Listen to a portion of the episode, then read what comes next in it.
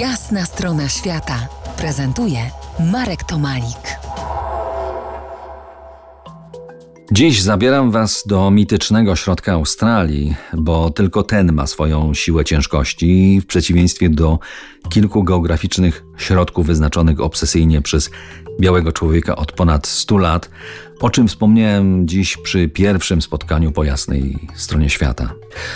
Drugi raz znalazłem się pod Uluru w 2004 roku, yy, kiedy tyczyłem trasy naszej epickiej wyprawy śladami Strzeleckiego. Nie było moim celem uwzględnienie Uluru.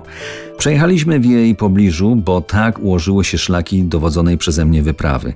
Wtedy tak myślałem. Teraz sobie myślę, że grawitacja metafizyczna Uluru była tak silna, że nie sposób było ją ominąć ale dotarliśmy do niej od strony zachodniej, gdzie bardzo niewielu decyduje się na taką podróż, bo wiodą stamtąd z zachodu trudne szlaki pustynne, możliwe do, do przejechania wyłącznie z napędem na cztery koła, po wertepach i totalnych pustkowiach przez jakiś tydzień. Nagrodą, jak się wjeżdża do Parku Narodowego Uluru od strony właśnie zachodniej, jest brak opłat wjazdowych. Jednak bardziej cieszy, że od tamtej strony wjeżdża się samemu, wprost z interioru.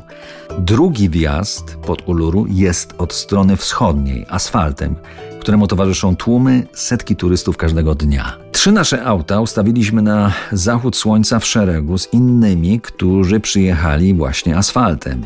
Dlaczego na zachód słońca? To od kilku dekad wygląda na pewnego rodzaju celebrację wrażeń, głównie wizualnych, choć nie tylko.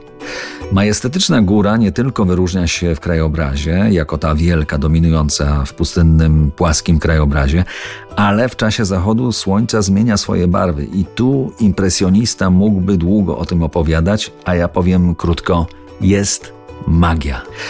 Ale to nie wszystko, bo spektaklowi światła towarzyszy dźwięk kieliszków i smak szampana. Taka tutaj świecka tradycja sobie powstała i nadal jest celebrowana na specjalnym parkingu oddalonym od góry Uluru o kilkanaście setek metrów. To nie było moje ostatnie spotkanie z Uluru, choć zarzekałem, że już tam nigdy nie pojadę. To jest jasna strona świata w RMS Classic.